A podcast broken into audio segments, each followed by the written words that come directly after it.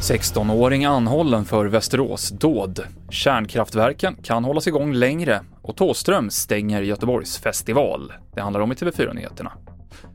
Den 16-åriga pojke som är misstänkt för våldsdådet i Västerås i morse har anhållits efter att han förhörts av polis under eftermiddagen.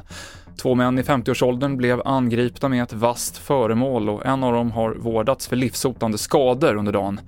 Flera personer blev vittnen till händelsen och vi har pratat med Hussein som först inte uppfattade att ett tillhygge använts vid attacken. Efter träffet så börjar liksom mannen blöda från huvudet ner hela kroppen och tröjan. Då märkte jag att det var ju någonting till hygget som mannen träffade. Men eh, det, det var väldigt obehagligt att uppleva det.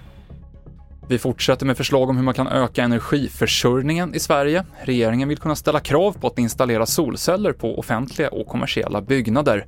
Man vill även ta fram ett system för att kunna kompensera de som påverkas av vindkraftverk i sitt närområde och halvera tiden för att få tillstånd att bygga vindkraftverk till havs. Regeringen öppnar även för att förlänga driftstiden för de svenska kärnkraftverken, sa man på en presskonferens idag. Coronapandemin kan ha minskat simkunskaperna hos barn med stängda simhallar och avbruten simundervisning.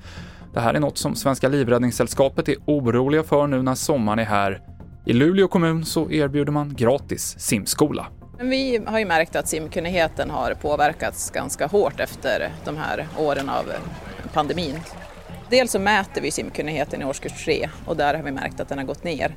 Eh, och det är ju framförallt, eller dels är det för att skolorna har under vissa perioder inte kunnat bada så som de brukar göra och sen att eh, barnen inte har kunnat åkt och bada på fritiden med sina föräldrar. Eh, vi har haft baden stängda under en ganska lång tid när det var som hårdast restriktioner.